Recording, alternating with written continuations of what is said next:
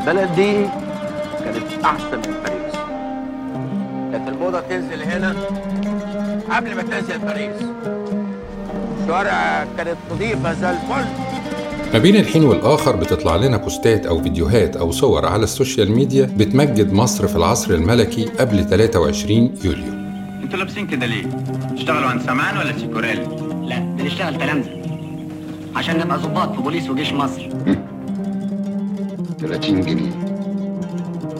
أنا لو من 18 سنة بعلم كلاب كنت دلوقتي من الاعيان بوستات العصر الملكي بتصور لنا شوارع واسعة ونظيفة ومنظمة وجميلة جدا. ألو يا مصلحة يا مصلحة. يا مصلحة نهارك سعيد يا حضرة الأفندي لو كنت أفندي ونهارك سعيد يا بيه لو كنت بيه. على الجانب المضاد بيتقال لنا إن الملك كان فاسد وخمرجي وبتاع ستات وإن الشعب كان في فقر شديد وما عندوش فرصة إنه يتعلم أو يتعالج وإن معظم الشعب كان بيمشي حافي في الشارع. ما بين دول ودول اتحيرنا.